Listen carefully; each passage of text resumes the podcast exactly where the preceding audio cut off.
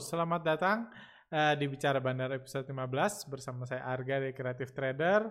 Uh, setelah minggu lalu saya absen, uh, udah nggak sabar untuk kembali sharing buat rekan-rekan pendengar setia uh, podcast minggu ini. Uh, minggu ini saya akan membahas mengenai perkembangan market seperti biasa, kondisi ASG, bursa luar negeri, terus apa yang bisa kita pelajari buat minggu depan. Juga kita akan belajar juga tentang ini. Uh, kita saya juga akan kasih update tentang perkembangan vaksin COVID-19 yang uh, ada beberapa update terbaru yang mungkin rekan-rekan tertarik uh, dari ini dan juga uh, kasus ICBP, akuisisi ICBP saya juga akan bahas sedikit dan hal-hal lainnya mungkin. Seperti itu langsung aja kita ini Uh, ini perkembangan COVID-19 di Indonesia uh, tujuh hari terakhir, uh, tujuh hari terakhir rata-rata yang kena 1.540. Sebentar lagi angka Indonesia akan menyusul China harusnya uh, akan menyusul China dan yang cukup mengkhawatirkan itu positif rate-nya udah 12,5 persen. Jadi angka positif rate-nya itu pelan-pelan terus bertumbuh di Indonesia yang artinya karena tesnya nggak bertambah, jumlahnya masih cenderung sama, cuman pelan-pelan bertumbuh dengan tes yang bertambah, artinya jumlah orang yang terjangkit itu memang semakin besar. Ini juga udah diprediksi sejak dua bulan yang lalu sama kita, karena uh, uh, sejak dua bulan lalu sudah diprediksi sama kita setelah dibukanya PSBB, ini sudah ini sudah terkendali, tapi ya ya sudahlah kayak gitu. Gimana lagi? Kita negara kita nggak punya banyak pilihan memang tapi ya tentunya sekarang semakin ke sini semakin jelas. Kita lihat ada beberapa negara kemarin saya swipe berita pun ada Barcelona sudah di lockdown, di China sudah sudah bertumbuh perkembangan virusnya, juga di seluruh dunia pun sekarang udah rata-rata uh, 200 ribu orang lebih yang terjangkit COVID-19 setiap harinya. Nah, jadi Indonesia bukan satu-satunya negara. Indonesia memang salah satu negara yang paling sedikit melakukan tes, tapi intinya ini di seluruh negara dilakukan seperti itu uh, dan dan tentunya solusinya sekarang uh, udah semua orang semakin lama semakin setuju bahwa solusinya adalah ditemukannya vaksin. Minggu ini sendiri ada beberapa perkembangan vaksin Mungkin saya mau share dulu dikit uh, tentang vaksin. Saya tahu memang uh, bursa saham udah nggak ada hubungannya lagi, sudah diputus hubungannya dengan kondisi ekonomi, penyebaran COVID-19 dan lain-lain. Tapi mungkin biar ini berguna juga karena hidup kita kan bukan cuman uh, bursa saham kan. Jadi saya share karena kebetulan kita punya tim yang terus uh, mengupdate berbagai berita kayak gitu. Jadi so far ada tiga vaksin yang terdepan dan saya percaya akan terus terdepan kecuali memang di fase tiganya gagal uh, uh, ini pertama yang paling uh, ini paling potensial itu AstraZeneca buatan Oxford sama perusahaan di mana ya saya lupa AstraZeneca. Uh, kedua itu Moderna Inc. Uh, ketiga yang paling cepat itu Sinovac. Sinovac itu yang uh, uh, perusahaan China yang uh, minggu kemarin keluar berita dia kerjasama dengan kerjasama dengan Bio Farma. Jadi Sinovac ini udah kerjasama di Brazil, kerjasama fase 2-nya dilakukan di Brazil dan so far uh, cukup eh, nggak uh, ada side effect-nya. Jadi fase pertama dan fase kedua itu fokus mencari side effect-nya, uh, fokus melihat apanya ya, uh, melihat uh, ya melihat side effect-nya dan uh, aman nggak dipakai dan fase ketiga akan dicoba berfungsi nggak dalam jumlah orang besar di tempat yang banyak orang, banyak orang terjangkit. Itu sebabnya Brazil dipilih dan Indonesia karena jumlahnya bertumbuh uh, sudah dipilih juga jadi tempat dilakukannya fase ketiga. Cuma ya Indonesia masih sedikit jumlahnya kalau dibanding Brazil, jadi mungkin fokusnya akan di Brazil seperti itu.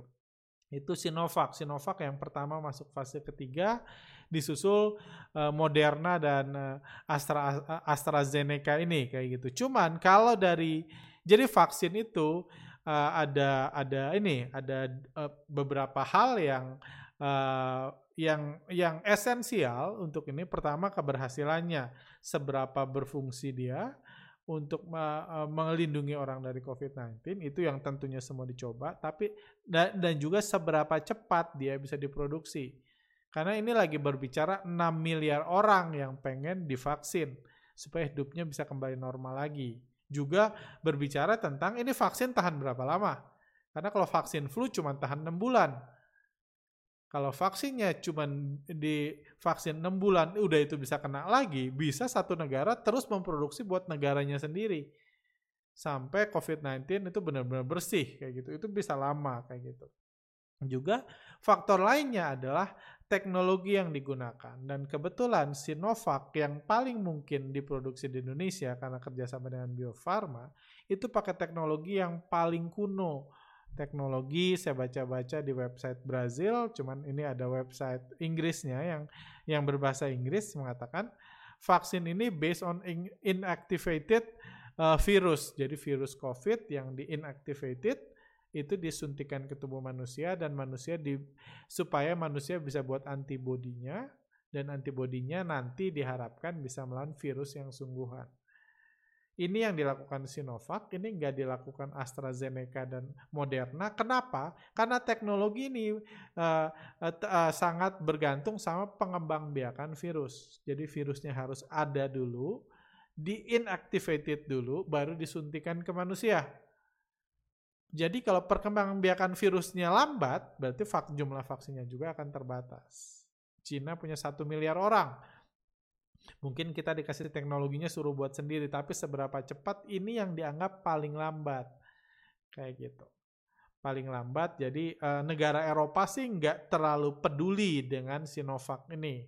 Cuma negara-negara berkembang, seperti Brazil, Indonesia yang nggak punya pilihan, yang nggak bisa buat vaksin, sepertinya banyak kerjasama dengan uh, Sinovac ini, kayak gitu.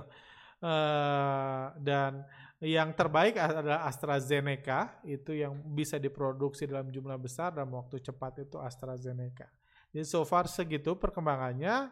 So far juga belum ada harapan, uh, belum ada kabar luar biasa yang mengatakan vaksin ini akan ada di tahun 2020. Di tahun 2020. Indonesia sendiri lagi coba-coba buat, belum ada, lagi coba-coba buat. Katanya 2022 kalau semuanya berhasil, Uh, itu Bio Farma mungkin bisa buat vaksin. Saya nggak tahu Bio Farma pernah buat vaksin atau enggak, cuma sedang dicoba. Kayak gitu. Jadi masih cukup panjang, jadi kita harus dealing dengan kenyataan seperti itu. Selanjutnya adalah Eh, eh, berita-berita uh, uh, kuartal 2 sudah mulai keluar. Uh, kinerja kuartal kedua Singapura resesi, beberapa negara lainnya resesi, seperti Indonesia sendiri belum melaporkan. Cuman uh, Sri Mulyani terakhir bilang uh, Indonesia berpotensi ekonominya minus 5%, seperti itu which is ya ya sudah expected juga karena lockdown dan ya itu sudah nggak ada hubungannya lagi dengan bursa saham. Tapi tentunya di, di kehidupan kita tentunya itu mungkin banyak ber ini karena artinya apa? Ke depannya akan ada banyak perusahaan yang akan dalam masa krisis. Saya masih ngobrol dengan banyak orang dan mereka pun dalam kondisi krisis di ekonominya. Saya bersyukur banget dengan keberadaan bandar yang melindungi bursa efek Indonesia. Dan seluruh dunia pun sekarang udah nggak ngefek lagi berita resesi, berita nggak ngefek lagi, kita naikin aja terus. Karena bisnis ini lebih penting daripada teori-teori di buku ekonomi seperti itu. Jadi uh, di Singapura pun bursanya nggak ada apa-apa, minggu ini cenderung sama kayak Indonesia. Jadi ini udah tanda bahwa ya sudah ber, sudah berakhir lah masa itu di mana bursa saham dihubung-hubungin sama ekonomi itu sudah berakhir dan Uh, kalau kita lihat uh, komentator saham pun pelan-pelan mulai berubah. Jadi dua bulan lalu saya banyak bilang, saya, saya mungkin yang saya tahu saya orang yang pertama bilang uh, sebulan satu setengah bulan sebelum uh, Bloomberg mengatakan udah disconnected, uh, saya bilang ini udah diputus hubungannya, nggak ada untungnya lagi dihubung-hubungin sama ekonomi, udah nggak menjual lagi juga anyway ekonominya, jadi sudah pure uh, pergerakan uh, pergerakan uh, IHSG, pergerakan bursa dunia udah pure untuk kepentingan bisnis itu sendiri, kepentingan bandar. Supaya bisa jadi solusi trading saham. Ini solusi kalau bisnis nggak jalan, yuk kita tukar-tukaran saham di bursa. Jadi itu dibuat bisnisnya. Dan uh, dulu para komentator saham yang masih berpegang sama teori-teori masa lalu, ekonomi dunia, resesi akan buat market crash, mengatakan uh, uh, mengatakan bahwa nanti ketika kuartal 2 keluar, laporan keuangan kuartal 2 baru market akan crash. Seperti itu. Saya cuma mengatakan nggak ada untungnya. Nggak ada untungnya market dibuat crash. Apa untungnya buat bandar? Ngapain market di crashin lagi dalam kondisi ekonomi yang masih stagnan kayak gini? Orang takut trading saham tetap nggak uh, karena market crash uangnya malah nggak masuk ke bursa saham. Sekarang uangnya terus mengalir ke bursa saham karena bisnis lain uh, sepi. Bisnis lain nggak bisa dikendalikan bandar. Misalnya kendali bandar di bisnis lain nggak sebesar itu. Misalnya bandar properti kayak gitu. Bandar properti nggak bisa mancing orang beli rumah. Meskipun dia yang ngatur harga properti, dia nggak bisa ngatur mancing orang beli rumah dalam kondisi kayak gini. Karena orang beli rumah, ntar gue beli nggak bisa jual, repot. Kalau saham kan udah naik turunnya udah murni pergerakan bandar dan bisa ini kita bisa keluar masuk at any time kayak gitu dan ini juga berita uh, ini Wall Street melonjak seiring dimulainya laporan musim pendapatan kuartal 2 meskipun terdampak COVID-19 kita lihat uh, komentator saham pun sudah mulai belajar bahwa teori yang mereka pelajari panjang lebar itu memang sudah nggak berguna di masa COVID-19, mereka mulai merubah komentatornya. Karena itulah kerja komentator saham yang mengomentari. Kalau naik ya bilang naik, cari berita positif. Kalau turun ya bilang turun, cari berita negatif. Naik turun bukan urusan mereka lah, tentunya mereka cuma komentator. Seperti itu. Dow Jones sendiri kita lihat terus tumbuh. Oh ya, yang menarik lain bursa China udah sempat uh, uh, sempat ini sempat buat uh, uh, apa year to date-nya sempat positif, jadi sempat mengalahkan uh, fase sebelum COVID-19. Jadi itu itu saya share di uh, di Telegram dan Instagram bahwa itu pencapaian besar. Itu pencapaian besar sejak dua bulan lalu, dua tiga bulan lalu saya nggak saya mengatakan memang sudah diputus, cuman saya nggak percaya IHSG akan buat new high dibanding sebelum COVID-19 selama masa COVID-19 ini terjadi. Saya nggak percaya karena menurut saya itu berpotensi membuat orang yang nyangkut di atas bisa jualan sekarang kan udah pasrah tuh. Udah pasrah, nggak bisa jualan, udah pada nyangkut. Kalau dibuat buat new high, berarti mereka bisa keluar dong. Bisa bisa keluar di harga profit. Jadi menurut saya saya nggak percaya. Cuman bursa uh, bandar di China udah berani buat new high kayak gitu. Cuman jatuh lagi karena kebetulan data ekonominya bagus banget di kuartal kedua jatuh lagi baru-baru ini kita masih lihat di di Dow Jones juga udah terlihat nggak ada krisis lagi karena memang kondisi ekonomi di Amerika juga sangat parah, penyebaran COVID-19-nya juga sangat parah. Jadi sebagai pelipur lara, uh, Dow Jones terus diangkat pelan-pelan, udah mendekati all time high-nya malah Dow Jones. Udah mendekati all time high-nya, ekonomi resesi, hutang besar, negara chaos, penyebar udah 3 juta orang kena di sana. Dow Jones pelan-pelan bergerak naik dan uh, saya sudah mulai membuka possibility lagi, mulai memikirkan mungkin ini akan dikerek terus sampai all time high. Karena saya rasa di seluruh dunia pun orang udah nggak peduli lagi sama ekonomi. Itu udah masa lalu, pergerakan harga saham dihubungkan dengan ekonomi seperti itu. Uh, seperti itu, cuman Indonesia sendiri memang uh, pertumbuhannya agak sulit karena asing memilih untuk keluar terus dari Indonesia. Apa alasannya mereka yang tahu? Cuma kalau kita lihat ini grafik foreign flow-nya terus bergerak turun. Kita sempat euforia karena asing sempat masuk di bulan Mei lalu. Kita lihat asingnya masuk, IHSG langsung terbang. Terus ketika di puncak pelan-pelan asing jualan. Kerek naik sebentar, jualan lagi. Kerek naik sebentar, jualan lagi. Kerek-kerek naik, jualan pelan-pelan, asing terus keluar. Dan jadi kalau nggak ada inflow kayak gini memang IHSG nggak bisa naik karena asing lah yang memutuskan ke mana IHSG bergerak, asingnya masih keluar. Kayak gitu. Jadi e, melihat kondisi kayak gini, melihat asing terus dalam masa fase distribusi, meskipun bandar di Amerika udah terus naikin harga, bandar di China Eh, berani naikkan harga tinggi, Indonesia masih sulit karena bandar eh, bandar asing di Indonesia belum mau naikin IHSG lagi seperti bulan Mei lalu ketika mereka beli besar-besaran saham perbankan dan harga sahamnya naik. Jadi so far saya tetap nggak percaya akan uh, eh, IHSG akan crash, cuman so far saya lihat uh, trennya saya prediksi minggu depan IHSG akan terkoreksi. Kayak gitu. IHSG akan terkoreksi. Tapi menurut saya yang lebih penting itu bukan nebak IHSG lagi sekarang. Karena bagaimanapun asing sudah keluar saham-saham blue chip nggak bisa naik kalau asing sedang keluar. Kayak gitu. Terlepas dari kinerjanya kayak gimana dan lain-lain itu nggak bisa naik signifikan pelan-pelan dan cenderung nggak ke mana-mana. Jadi fokus kita sebagai trader sekarang ya fokus ke uh, uh, jadwal bandar manggung itu yang sudah saya jadi bahas uh, di Telegram sejak beberapa minggu terakhir bahwa yang penting sekarang adalah uh, bandar mulai manggung lagi saham-saham gantian-gantian kan dua hari lalu saham rokok yang dikerek naik, besoknya saham batu bara, dan lain-lain.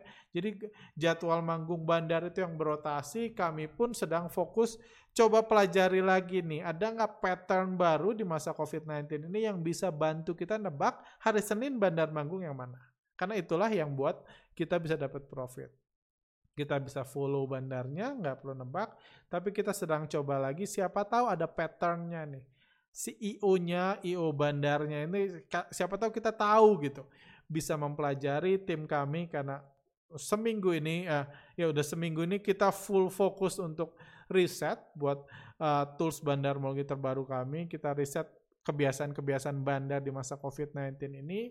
Salah satunya yang sangat signifikan adalah akumulasi distribusinya yang jauh lebih cepat dibanding before COVID-19 dan jadwal manggungnya yang tampaknya lebih inilah lebih rapi dibuat dan uh, manggungnya sebentar sekarang manggungnya sebentar tapi disusul uh, mungkin part one itu Bandar Rokok part one hari Kamis. Bisa hari Selasa depan Bandar Rokok manggung lagi. Dikasih jadwal manggung jadi harga sahamnya naik lagi kayak gitu.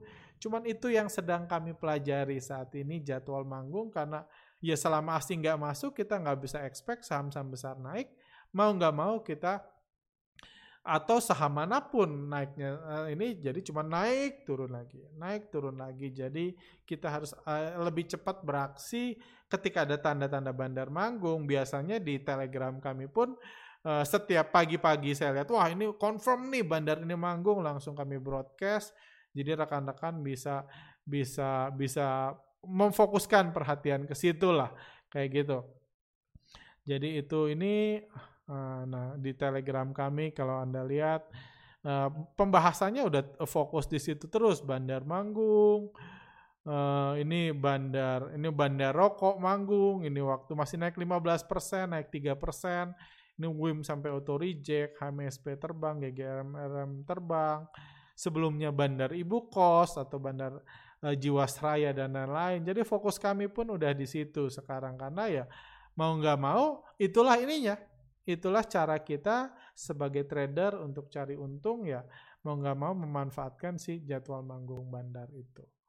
Kayak gitu. Jadi kita harus bagi yang trading kita harus lebih hafal lagi kalau jadwal bandar batubara manggung itu siapa aja yang biasa manggung ada yang grup intinya, ada grup uh, ininya, grup apa sekundernya yang kadang ikut manggung, kadang enggak gitu. Kayak gitu. Jadi itu fokus kita ke situ selama asing masih jualan. Kita nggak bisa expect IHSG akan naik lagi gitu karena ya siapa yang naikin kalau asing nggak beli, asing pelan-pelan jual dan tentunya kita bisa mengurangi posisi kita di saham-saham blue chip yang dibandari asing. Kayak gitu. Uh, seperti itu misalnya BBRI eh, BBRI nah BBRI pun sempat ada inflow dua minggu lalu. Inflow besar saya udah happy sekarang udah jualan lagi. Kayak gitu TLKM misalnya.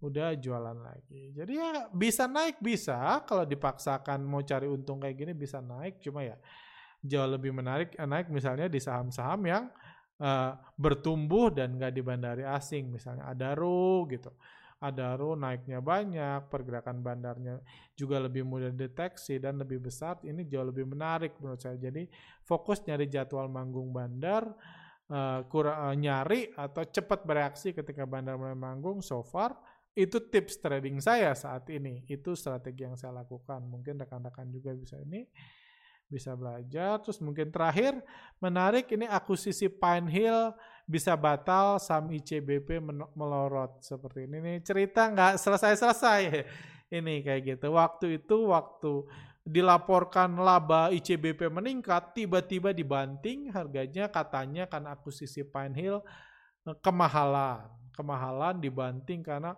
uh, market ya market itu maksudnya bandar tampaknya nggak suka Pine Hill mengakuisisi uh, ICBP mengakuisisi Hill kemahalan. Uh, karena dianggap kemahalan jadi uh, ini uh, karena dianggap kemahalan jadi uh, harganya turun kayak gitu. Padahal nggak ada hubungannya sebenarnya cuma ya sudahlah gitu. Itu kan kerjaan komentator saham saya pun nggak nggak enak mengkritisi. Sekarang uh, karena kebetulan kemarin keluar berita ini bisa batal akuisisinya dan kebetulan juga bandar ngebanting ICBP jadi dibilang turun karena berpotensi nggak jadi dulu pas berpotensi jadi turun juga sekarang berpotensi nggak jadi turun juga kayak gitu. Jadi ini memang uh, ini ya, memang itu salah satu uh, kerjaan komentator saham yang sebenarnya sih useless gitu bagi seorang trader kayak gitu. Tapi ada pertanyaan menarik yang masuk. Saya lupa masuk di mana gitu, uh, dikirimkan ke saya. Intinya ada seorang investor yang penasaran banget. Ini sebenarnya akuisisi ini bagus atau enggak sama perusahaan kalau akuisisi ini berhasil, ICBP terhadap Pine Hill ini, ini bakal buat harga sahamnya naik atau bakal harga sahamnya turun. Ke depannya, uh, uh, ke depannya laporan uh, keuangan ICBP ini bakal tumbuhkah, harga sahamnya bakal naik karena akuisisi atau bakal turun? Dia bingung banget. Kasihan sebenarnya dia, dia sebenarnya investor, tapi dia bingung seakan-akan komentator saham, which is itu dua hal yang berbeda kayak gitu. Cuman saya mau bantu jelaskan bantu jelaskan. Uh, saya cerita cerita pengalaman saya aja kayak gitu. Jadi sekitar eh, uh, empat tahun yang lalu, eh, tiga uh, empat tahun lalu ada peluang uh, peluang bisnis bagi saya. Waktu itu ada salah satu perusahaan IT yang sedang mau bertumbuh, sedang mau sedang bertumbuh, sedang bertumbuh cukup baik pada saat itu ngedatengin saya. Dia butuh investor dia butuh investor, perusahaan IT, uh, uh, head programmernya menurut saya cukup hebat. Waktu itu saya tertarik, saya tertarik, saya bilang, oh boleh juga nih, saya akuisisi, saya niatnya sih saya pengen akuisisi 50 50% dari perusahaannya. Karena dari sisi bisnis kreatif uh, eh, CTS sendiri uh, kita pengen punya uh, apa ya? Uh, uh, punya partner di bidang software developing tapi saya tahu kalau saya meng-hire sendiri bagian software developer, uh, ahli software, dia nggak akan ada kerjaan di my, most of the time. Dia nggak punya kerjaan uh, most of the time karena kita kan fokusnya trading, kita nggak akan ngedevelop software all the time. Kita fokusnya riset, fokus edukasi, kita nggak akan develop all the time. Jadi kalau saya ngegaji orang pun nggak bisa satu dua orang, gajinya tinggi, uh, gajinya tinggi dan nggak ada kerjaan. Jadi waktu itu saya menyambut banget ada peluang untuk ini, untuk mengakuisisi satu perusahaan yang nggak besar sih, perusahaan di Bandung, perusahaan IT ini. Kayak gitu. Jadi saya waktu itu udah semangat, ini bagus banget kalau saya punya setengah aja dari perusahaan ini, saya jadi uh, boardnya, saya cuma jadi board, dan kalau saya punya project, saya invest di perusahaan, saya masukkan project CTS, masukkan di uh, perusahaan itu sendiri. Jadi saya bisa jamin kerahasiaannya dan lain-lain karena itu perusahaan saya juga. Kayak gitu. Jadi itu yang saya lakukan, uh, itu yang rencananya saya lakukan pada saat itu. Pada saat itu cuman apa yang terjadi uh, uh, apa yang terjadi pada saat itu waktu itu kebetulan uh, saya lupa itu musim panas kalau nggak salah musim panas jadi waktu itu pas proses itu berlangsung saya udah ada ya saya udah ada jadwal untuk ngunjungin, ngunjungin adik saya di US. Adik saya di US, jadi sebelum prosesnya, uh, saya udah berbicara, udah semi-semi buat over, uh, terus setelah itu saya ngunjungin adik saya di US, jadi saya keluar negeri. Keluar negeri, nggak bisa diperpanjang prosesnya, tadinya saya mau lanjut lagi setelah saya pulang dari Amerika, saya ke Indonesia, tadinya saya mau lanjut lagi bahkan saya ingat banget. Waktu itu di Amerika pun uh, saya saya bilang ya uh, ke keluarga ya saya udah mau saya ada rencana mau akuisisi satu perusahaan nih. Kayak gitu. Kayak gitu. Terus Sing, singkat cerita, uh, itu berakhir. Singkat cerita, ketika saya ke Indonesia, waktu itu udah ada investor yang duluan ngecaplok perusahaannya dan perusahaannya bahkan tumbuh dengan cepat. Kayak gitu. Oke, apa yang mau saya ceritakan di sini? Jadi kurang lebih apa yang mau saya lakukan itu mirip dengan apa yang mau Indofood lakukan dengan Pine Hill ini. Indofood pengen menyebar di berbagai negara, menyebar di berbagai negara, penjualannya pengen ditingkatkan di Afrika, di Timur Tengah dan lain-lain, dia mengakuisisi Pine Hill. Sama kayak CTS waktu itu mau mengakuisisi perusahaan IT tersebut. Persentasinya juga mirip kayak gitu. Oke, Nah, pertanyaannya itu bagus atau enggak buat ke depannya, buat perusahaan itu. Kalau Anda tanya ke saya, kan tadi saya udah jelaskan, itu bagus buat CTS. Di awal. Cuman itu kan, apakah itu pasti bagus? Belum tentu kan. Belum tentu bagus. Cuman niat saya sih bagus. Saya percaya niat Indofood mengakuisisi Pine Hill pun bagus tujuannya bagus, mengembangkan bisnis, ke teknologi dan lain-lain. Kayak gitu. Tujuannya bagus. Cuma kalau sekarang saya ditanya, bersyukur nggak saya nggak akuisisi? Yes, saya bersyukur banget. Karena kejadiannya si perusahaan yang mau diakuisisi itu setahun tumbuh cepat banget. Uh, saya sempat uh, tetap ngikutin perkembangan tumbuh cepat banget karena awalnya gondok karena oh, tahu kalau punya gua ini udah setengahnya ini udah kebayang saya nilainya udah bertumbuh tumbuh banget tapi di tahun keduanya ribut, sekarang udah nggak ada perusahaannya. Tahun keduanya antar boardnya ribut, projectnya agak macet, uh, payrollnya tinggi banget dan lain-lain dan sekarang udah nggak jalan. Saya ketika nggak jalan bersyukur untung nggak jadi gue beli tuh perusahaan. Kalau nggak saya akan energi saya akan setengah mati habis buat ngurus perusahaan yang ribut itu, foundernya sendiri pergi dan sekarang udah nggak ada perusahaannya. Kayak gitu. Cuman itu semua kan diketahui after semua itu terjadi kan. After semua itu terjadi baru diketahui. Jadi kalau di, kalau ditanya menurut saya bagus nggak di awal bagus sekarang enggak. Jadi itu semua terjadi after. Saya aja nggak tahu ini bagus atau enggak. Saya percaya Indofood sendiri nggak tahu ini bagus atau enggak akuisisinya. Cuman saya percaya tujuannya bagus.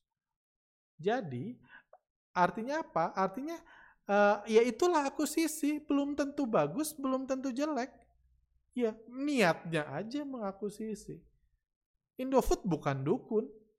Dia akan bilang gini gini gini nanti ta tahun segini penjualannya akan segini. Ya, mereka bukan dukun, mereka bisnismen mereka nggak akan jual kedukunannya buat kita. Oh, ngapain gitu? Sekarang nggak jualan Indo Eh, Indomie doang kita jualan kedukunan enggak. Cuma tentunya itu semua bisa jadi konten.